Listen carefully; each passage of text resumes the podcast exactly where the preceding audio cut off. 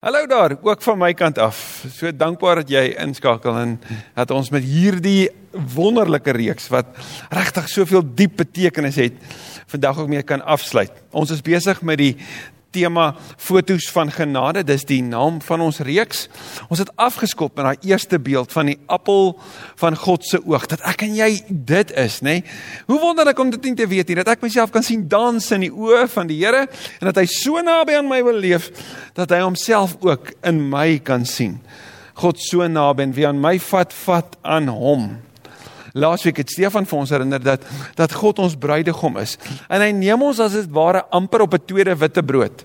En waarheen neem hy ons? Daai in Hosea 2 lees ons, hy neem ons woestyn toe. Daar bind hy hom aan ons deur sy liefde en sy trou, deur sy troue sorg. Daar leer ons hom ken as my man.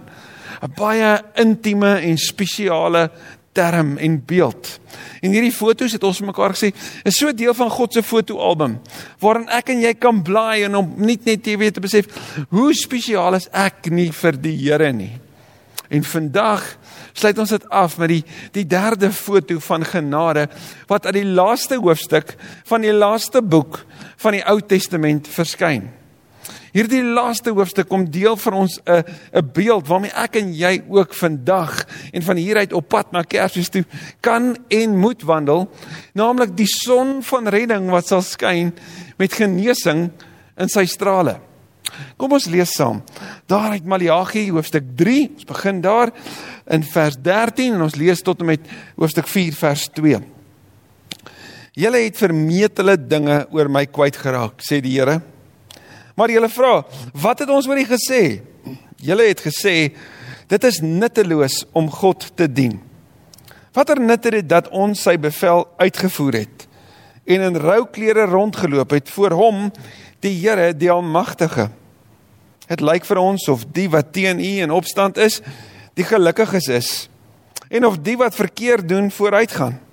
Hulle daag God uit en hulle kom vry toe die mense wat eerbied vir die Here het onder mekaar geredeneer en die Here het dit gehoor en daarop aggeslaan.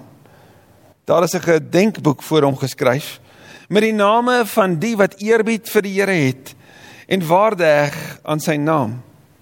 Hulle sal vir my 'n kosbare besitting wees die dag as ek ingryp, sê die Here, die Almagtige.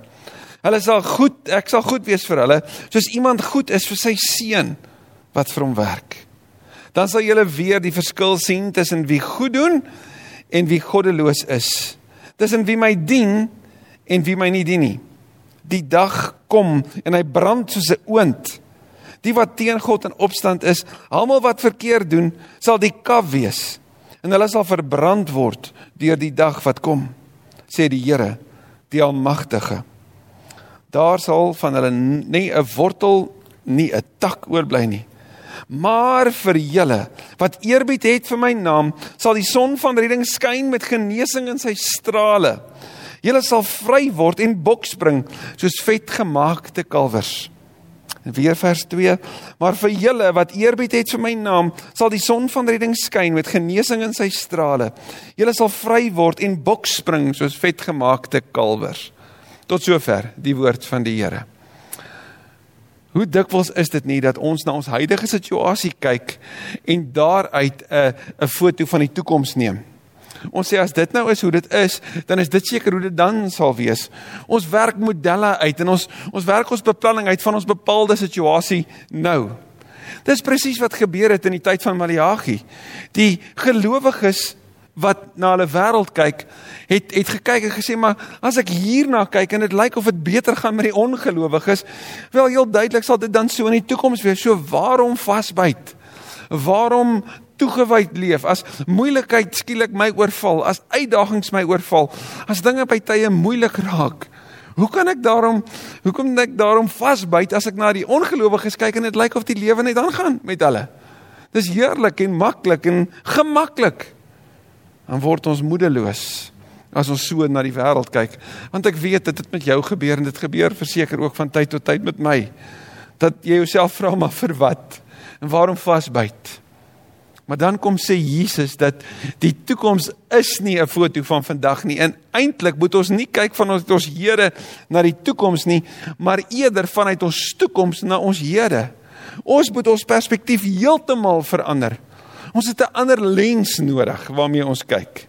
En die lens van die toekoms is dat oordeel gebeur. En die oordeel is soos 'n oond wat wat brandend is teenoor hulle wat ongelowig is, hulle wat hulle rug op die Here gedraai het en dit is 'n gegewe. Maar vir die wat getrou bly, vir die wat volhard, vir die wat vasbyt, vir die wat hulle lewe gee vir Christus in alles wat hulle doen. Vir hulle is daar 'n wonderlike prys, 'n wonderlike beeld om aan vas te hou. Nou hierdie is geskryf so 450 voor Christus. En in hierdie laaste hoofstuk van die laaste boek van die Bybel kom kom sê Maleagi vir ons maar maar daar's son van redding wat sal skyn. En hierdie